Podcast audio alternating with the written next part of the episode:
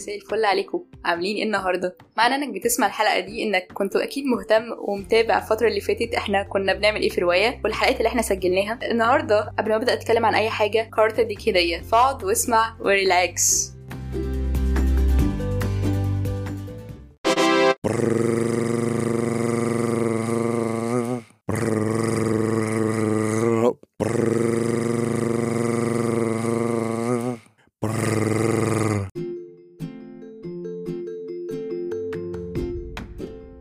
استمتعت؟ أكيد استمتعت. الناس اللي اول مرة تسمع في الحلقة دي عن رواية فحب أقول لكم هي رواية ابتدت ليه. بصراحة الرواية ابتدت علشان حد لذيذ. بحب أسمع الناس وبحب الناس تسمعني. بحب أتعلم من الناس وبحب الناس تتعلم مني. من هنا قررت أنا وأصحابي اللي إحنا نعمل بودكاست بودكاست ينقل تجارب وخبرات وتحديات الناس اللي حوالينا في المجتمع المصري عشان تبقى مصدر إلهام ومصدر دعم لينا. في الوقت اللي إحنا بنبقى محبطين فيه ومش حاسين إن فيه أي حاجة كويسة حوالينا. لما بدأنا روايه كنا بنفكر في أكتر الناس عندهم تحديات في المجتمع المصري وهم فئة اللاجئين. لكن بعد كده قررنا إن إحنا نتوسع وناخد فئات أكتر بكتير عندهم أحلام وطموحات أكتر. عشان كده قررنا إن إحنا نبدأ الموسم الجديد.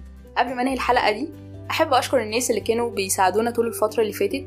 واولهم مينا عبد الفادي وخالد ابو زيد كانوا بيساعدونا في ال designs الجميله وال avatars الموجودة على الصفحة دي. مينا عريان هو اللي عمل لنا ال website وسعاد حامد كانت بتنسق أول ورشة عمل لرواية في مركز سند عن فن كتابة القصة القصيره وأحب أشكر يوسف اللي ساعدنا في إخراج الحلقات اللي اتسجلت مع أول ورشة عمل.